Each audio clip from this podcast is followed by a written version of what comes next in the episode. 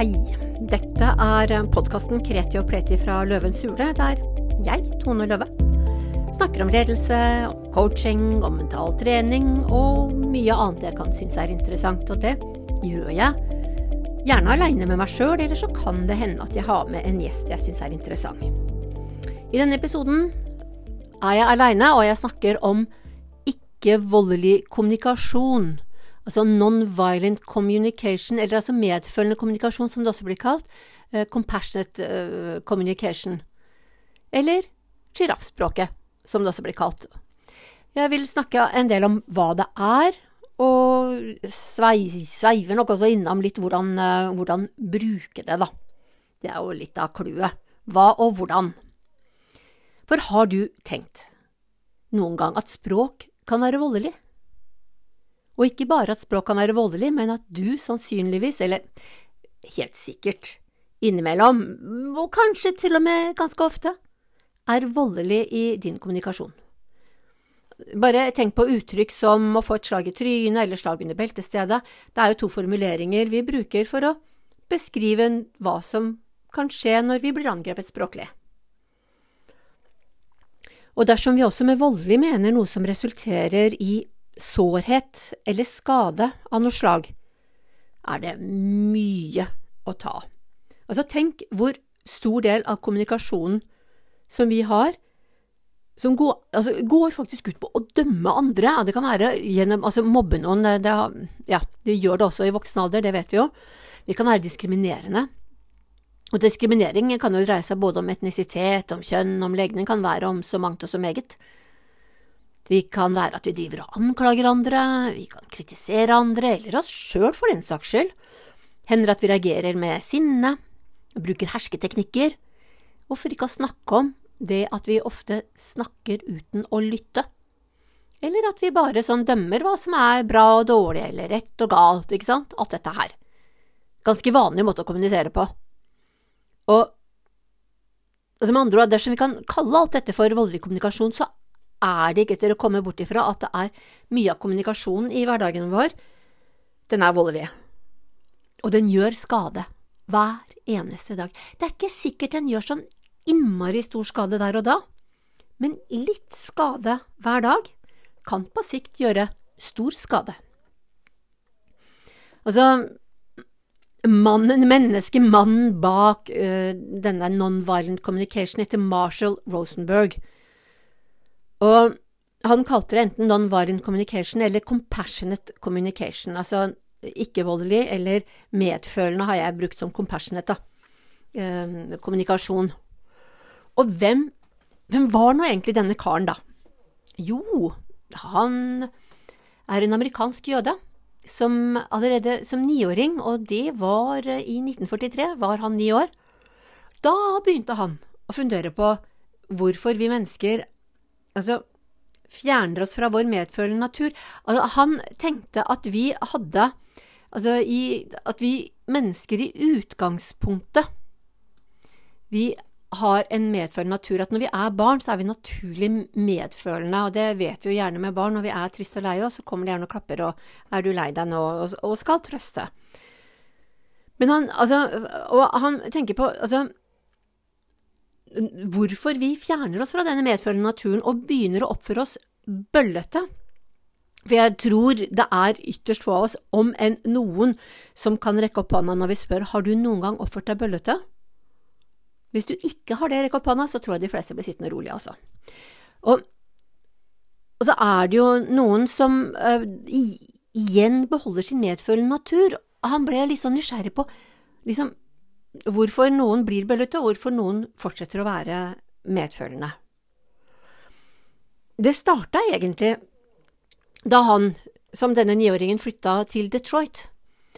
Og der, i 1943, så var det en rasekrig, og han flytta dit uka etter at den rasekrigen hadde starta. Og det, den var ganske dramatisk. Det var 34 mennesker som ble drept, og 433 ble såra i løpet av noen dager. Og de aller, aller fleste av beboerne de satt jo låste seg inne i husene sine og bare venta til anfallet altså, skulle gå over. Og det gikk jo over etter noen dager, og så starta skolen opp igjen etter rasekrigen. Og det var første gang han møtte klassen sin, og da hans navn ble ropt opp, altså Marshall Rosenberg, så var det to gutter som reagerte og lurte på om han var en sånn kaik.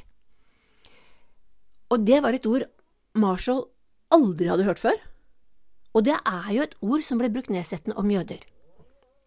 Det var da han oppdaga at ord faktisk kunne være like farlige som hudfarge, egentlig. Altså, og ettersom årene gikk, og han jevnlig funderte over disse spørsmålene, så oppdaga han sakte, men sikkert hvor utrolig viktig språket er, da. Hvordan kommunikasjonen er for hvorvidt vi klarer å opprettholde denne medfølende naturen vår. Og så fant han et mønster i hvordan medfølende mennesker bruker språket, som bidrar til at de klarer å være nettopp medfølende. Så vi kan jo starte med hva det er som i første rekke hindrer oss i å kommunisere vennlig, da. At vi går bort fra vår opprinnelige medfølende tilstand. Og Marshall Rosenberg har identifisert noen veldig vanlige måter å kommunisere på, som oppleves som konfronterende og dømmende. Vi eh, nevner i fleng, altså moralistiske utsagn, for eksempel, ikke sant, problemet med deg er at du er for selvopptatt, eller at du er for lat, eller hva nå enn det skal være. Det er jo Det dreier seg om anklager, fornærmelser, det blir satt, setter merkelapper på folk, altså det er en form for kritikk. Så det er, det er veldig mange måter å dømme folk på, og så kan du jo bare kjenne etter sjøl. har det hendt at du har sagt til noen du er for et eller annet? Ikke sant? En måte å, å dømme på, å vurdere, evaluere og dømme på. Og det er så stille, det er jo selvfølgelig det er så mange folk som har sagt så mye fint tidligere, og det er en sufi-poet, Rumi. Han skrev en gang Out beyond ideas of wrongdoing and right-doing, there is a field. I'll meet you there. Der ute, eh, bortenfor ideer om uh, hva som er rett og galt, så er det et område. Jeg vil møte deg der. Flott. Så, uh, og dette dreier seg veldig mye om, om sammenligninger og med en sånn fordommer, eller dommer tanker om hva som er rett og galt, da. Andre måter å, liksom, som er veldig vanlig å bruke språket på, det er sammenligninger. Vi sammenligner oss med hverandre, og vi sammenligner oss ofte med de som er mye bedre enn oss, selvfølgelig. Altså, det er en humorist og forfatter som heter Dan Greenberg. Han uh, skrevet en bok som heter How to make yourself miserable, altså hvordan, hvordan gjøre deg selv miserabel, føle deg miserabel. Og der han, går han grundig til verks. Altså, første runde skal du se en film med hovedpersoner som liksom innehar eh, idealutseende etter eh, dagens samfunnsstandarder. Da, sånn, eh, ja, Johnny Depp, Kate Winslet, eh, for DiCaprio, han er ikke så drømmeaktig, men så har du masse av disse Marvel-skuespillerne som er flotte, og, og, og vakre damer som er Ja, ja, altså og de er så veltrente og fysisk uh, flotte at det, er veldig få som sammenligner oss med dem og kommer heldig ut, for å si det sånn. Så det er jo da, og da er første runde at du skal sammenligne deg med disse skuespillerne. Finn liksom de vakreste og de flotteste skuespillerne som du veit om. Se på film med dem. Sammenlign deg sånn utseendemessig med dem. Ja, de fleste vil begynne å føle seg noe miserabel, litt sånn kjipt. Noen kanskje til og med veldig sånn miserabel. Det er uh, uff, dette var ikke noe hyggelig. Men fortvil ikke. For om du fremdeles føler deg nokså ok, så går neste runde seg om hva du har fått til i livet. Da blir du bedt om å sammenligne deg med noen utvalgte personer, og den første han trekker fram i rekka, det er Wolfgang Amadeus Mozart.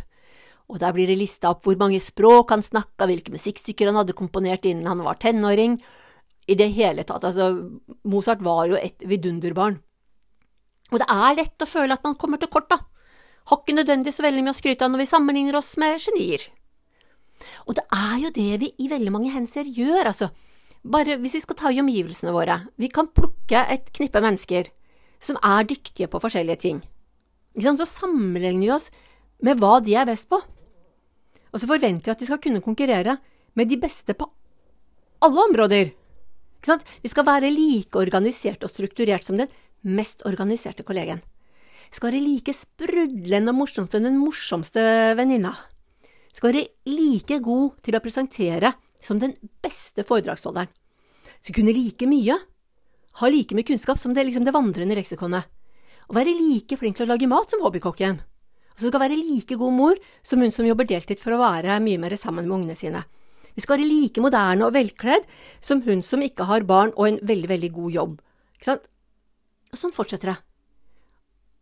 Og så glemmer vi til en viss grad på veien at den mest velorganiserte kanskje verken er spesielt morsom eller flink til å lage mat. Og den som er veldig morsom, er kanskje ikke spesielt organisert, og kanskje ikke spesielt velkledd heller.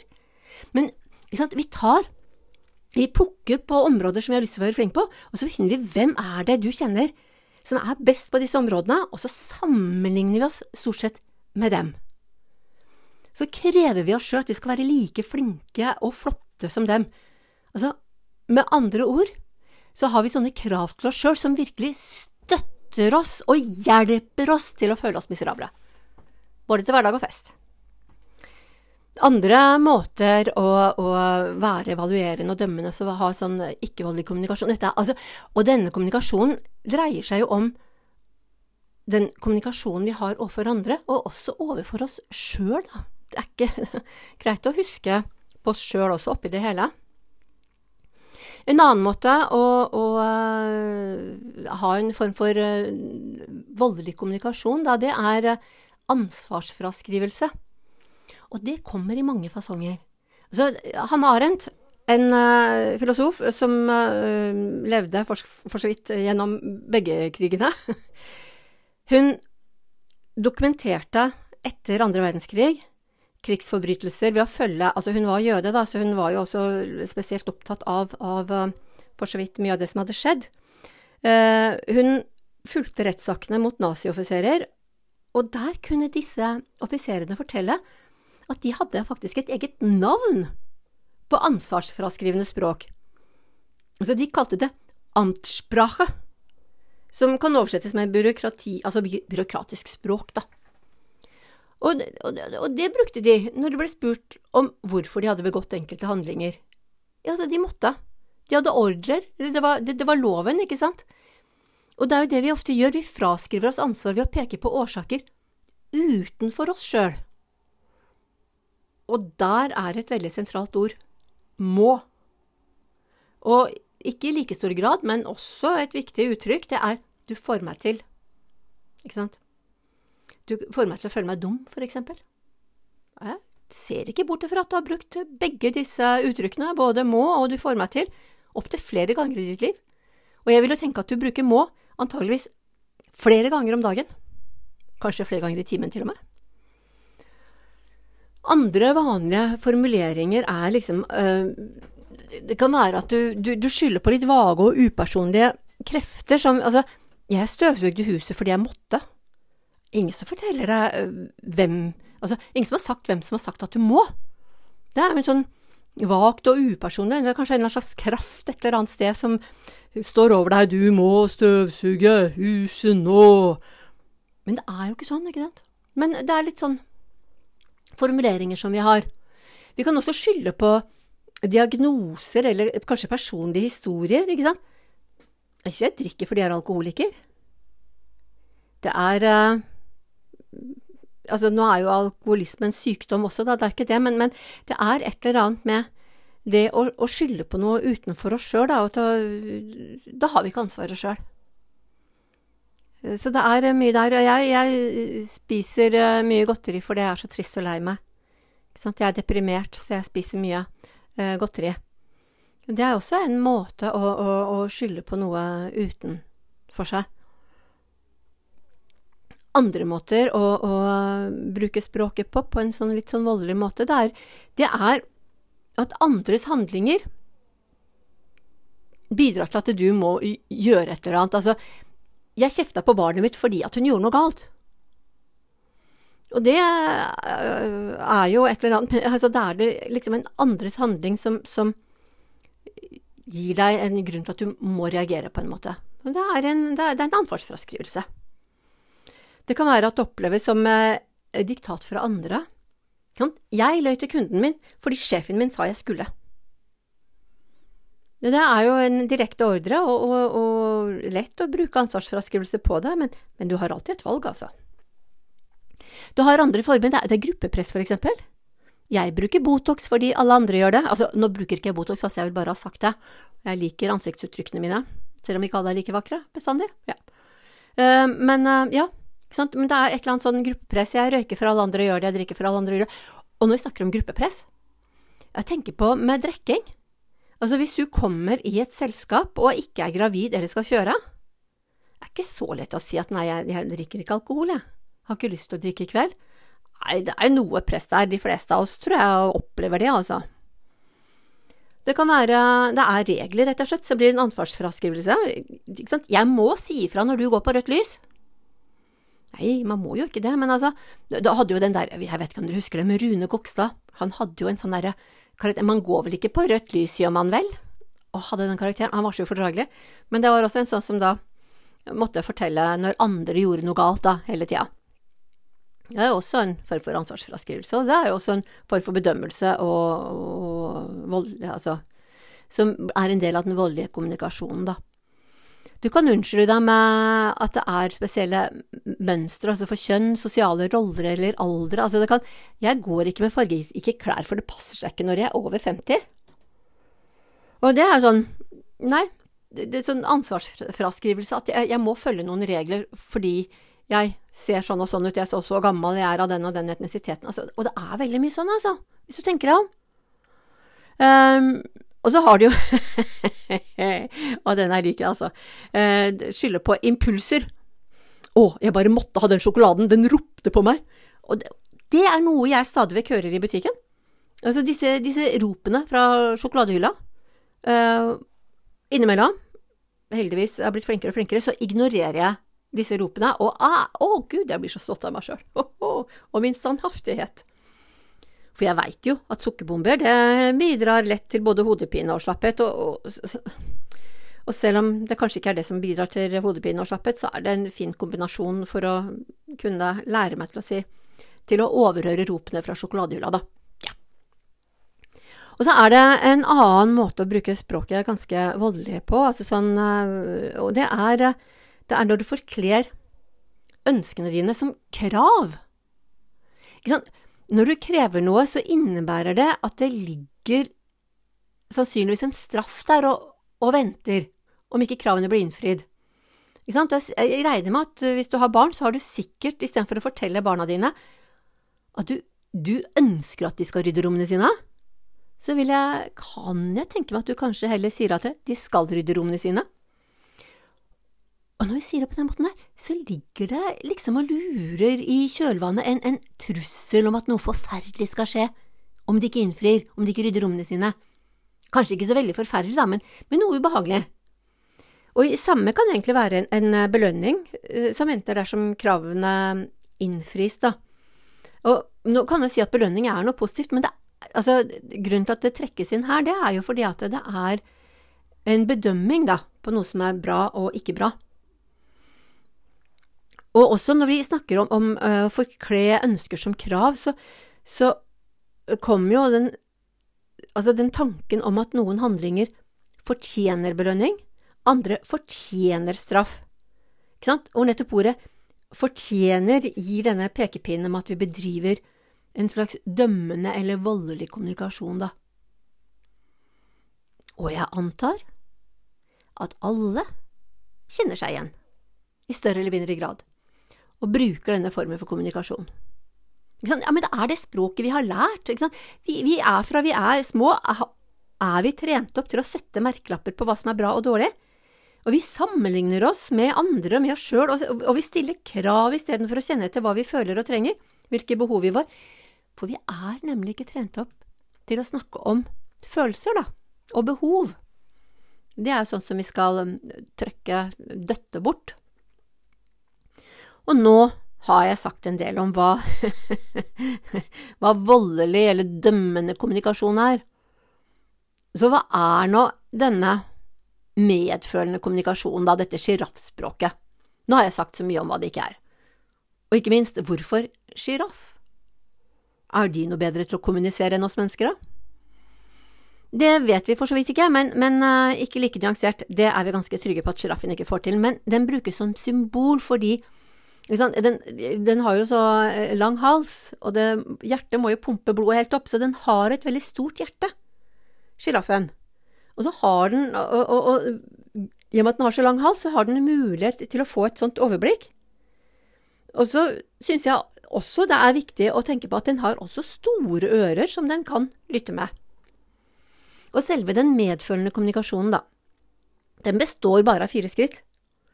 Og det er egentlig fire skritt som går, kan gå ganske kjapt også, da, men, men det, det, det, første steget, det dreier seg om at du trener opp til å observere uten å dømme. Og, og så kan du liksom, hva, hva betyr nå egentlig det, da? For når du lytter til andre, altså ikke bare uten å dømme, men altså at du må også skille hva som er observasjon og bedømming, da. Det er litt av det som det første steget også dreier seg om. Fordi når du lytter til andre, og når du er i kommunikasjon med andre, så vil det vekke følelser i deg. Alt det vi ser og hører, vi blir berørt av det. Og kunsten, og dette er en kunst, er å ikke nødvendigvis evaluere det vi ser og hører. Er det bra, er det dårlig, er det riktig, er det galt? Men men det å kunne lære oss til å observere uten å evaluere, da, uten å bedømme Og utfordringa med det er jo Altså, vi er så opplært i å evaluere det som blir sagt, og det vi ser og hører, at det i seg sjøl Altså, er nærmest umulig. Så jeg tenker at det viktige her blir at du er klar over at du dømmer. At når du setter merkelapper på medmennesker som late, dumme, flinke, snille, slemme osv., så, videre, så er det en bedømmelse ut fra dine meninger om hva du kan se og høre. Og, og det er så viktig å bare være klar over at det er nettopp det, en bedømming, og det er bare din mening, og den meningen kommer ut fra hvem du er, som igjen bygger på alle dine erfaringer. Og når du er Altså, altså som vi veldig ofte er, da, så er vi veldig vant til å legge bedømmelse inn i språket. Og da vil ofte samtalepartneren oppfatte det som kritikk. Og da, når vi møter kritikk, så er motstanden hjertelig til stede hos de aller fleste. Så det er lurt å trene på å skille hva som er bare observasjon, og hva som er bedømmelse. For det er en forskjell mellom han er dårlig til å presentere, og jeg syns han mangler energi når han presenterer. Eller kanskje enda bedre, da han presenterte rapporten i går, manglet han energi. For da unngår du en generalisering også, og det kan jo være, være kjekt. Så når du da har trent deg opp til å klare å observere uten å evaluere, så kan du gå til neste skritt, og det er, å, det er egentlig bare å gjenkjenne hva du føler. Fordi at eh, når vi snakker sammen, så vekker det følelser. Og det å gjenkjenne hva vi føler, er, eh, er litt uvant for oss. For vi er ikke lært til å gjenkjenne følelser, og langt mindre uttrykke dem. Og ikke nok med det, en ting er at vi ikke er trent på å gjenkjenne og uttrykke dem, vi er heller ikke spesielt trena på å ta eierskap og ta ansvar for egne følelser. Vi bruker, og så bruker vi gjerne ordet føler i alle mulige slags sammenhenger og de har ikke nødvendigvis så mye med hva du egentlig føler. De uttrykker veldig ofte hva du tenker om forskjellige ting, hva du mener om forskjellige ting. Ta for eksempel at du sier til deg sjøl åh, gud, jeg føler meg som en dårlig coach. Det dreier seg om hva du tenker om dine ferdigheter som coach, ikke hva du føler. Når de snakker om hva du føler, så ville du heller ha brukt ord som at du føler deg utilstrekkelig, du kan føle deg frustrert, eh, trist, du kan føle at du ikke stiller spørsmål som gir åpenbaringer for kunden din. Da begynner du å kjenne på, på følelsene. Og jo mer presis du er i hva du føler, dess lettere er det å ta ansvar for dem. For det er nemlig det tredje skrittet. Å ta ansvar for dine følelser. For det er altså Det er viktig at du anerkjenner hvilke følelser som vekkes i deg når du kommuniserer med andre at du anerkjenner dem, og tar eierskap over dem. For det er dine følelser. Det er du som føler dem, og ingen kan i bunn og grunn få deg til å føle noe som helst, egentlig. Altså, Eleanor Roosevelt har sagt det veldig bra. No one can make you feel inferior without your consent. Altså, ingen kan få deg til å føle deg mindreverdig uten ditt samtykke. Veldig, veldig bra sagt. Og lettere sagt enn gjort, for å si det sånn. Fordi hva andre sier og gjør, det er jo ofte triggere, altså en utløsende faktor, til noe du føler. Og samtidig så er det aldri årsaken. Og det er litt smart å være litt nysgjerrig og lure på, og det kan jo godt Det er for så vidt en annen podkast, altså dette med å være nysgjerrig. Hva er det som skjer nå? Oi, nå ble jeg veldig sint. Hva, hva var det? Hm, spennende. Det er en annen, som sagt, en annen podkast. Men det som er litt uvant for oss å tenke, det er at vi faktisk kan velge vår reaksjon på hva som blir sagt og gjort. Og etter hvert så kan vi også bli flinkere til å velge følelsene våre. Altså til en viss grad. Altså når du får deg en skikk skikkelig eh, knyttneven midt i trynet, så er det klart at det, eh, er vondt. Og det er helt greit, men da kan du også i større grad seinere bli flinkere da, til å håndtere hva det er som gjør vondt, og, og, og, og uh, klare å legge det bort, da, og komme deg videre, altså. Vi går jo i dørken stadig vekk, vi mennesker, og kunsten er egentlig å reise seg opp. Um, kanskje litt kjappere enn det vi gjør i dag. Og så er det jo sånn når vi møter negativitet. Ifølge Marshall Rosenberg, Marshall Rosenberg har vi fire valg, da. Én, du kan klandre deg sjøl. To, du kan klandre andre. Tre, du kan kjenne på egne følelser og behov. Fire, du kan kjenne på den andres følelser og behov, som ligger skjult i, eh, i eh, den andres negativitet, da. For den vanlige måten å reagere på når vi møter kritikk, det er jo selvforsvar og motangrep. Det er i hvert fall jeg erfart. Og jeg regner med at du også har kanskje noe erfaring på det området. Du også. Og selvforsvar og motangrep, det funker ikke spesielt bra. Det er sjelden det blir en god diskusjon, og selvforsvar og motangrep er verktøyene i diskusjonen. Så kritikk og bedømmelser av andre er jo, er jo egentlig bare et uttrykk for egne behov, og vårt eget Altså vårt egenverd som ikke blir ivaretatt. Eller den andres, da, så den som kommuniserer, altså den som kritiserer og dømmer. Det er jo ofte da behov, øh, følelser og behov som, som ikke blir øh, ivaretatt. Det er derfor det er viktig å koble på følelsene til våre behov, og venne oss til å klare å uttrykke det, selv om det er skummelt. For når vi uttrykker følelser og behov, da er vi sårbare. Og så er det at når vi er sårbare, ja, det er lettere å angripe oss på en måte, og samtidig så er det også så mye lettere for andre å svare med empati og når vi kan svare med empati og møte på en ikke-voldelig kommunikasjon, så er det mye lettere å ha en konstruktiv og fin kommunikasjon. Og det er en kunst å lytte etter og gjenkjenne andres behov i deres kommunikasjon. Det er det. For når en samtale låser seg, vet det dreier seg jo alltid om behov som ikke blir forstått og møtt, enten det er dine eller andres, eller veldig ofte begges eh, behov som ikke blir, eh, som ikke blir forstått og møtt. Og det fjerde skrittet i denne ikke-voldelige kommunikasjonen dreier seg om å komme med forslag. Og, og da er det viktig å være konstruktiv, ikke sant? bruke et positivt språk og kommunisere hva vi ønsker, først og fremst, ikke hva vi ikke ønsker, for det, det, blir fort negativt og kan være oppleves som bedømmende. Men hva er det vi ønsker, hvilke behov er det vi har her? Um, og det er også da viktig at uh, det uttrykkes som anmodninger og ikke som krav, fordi krav blir som oftest møtt med motstand, ikke sant? Derfor er det så viktig å være tydelig på at det må være noe din samtalepartner er villig til å, å innfri.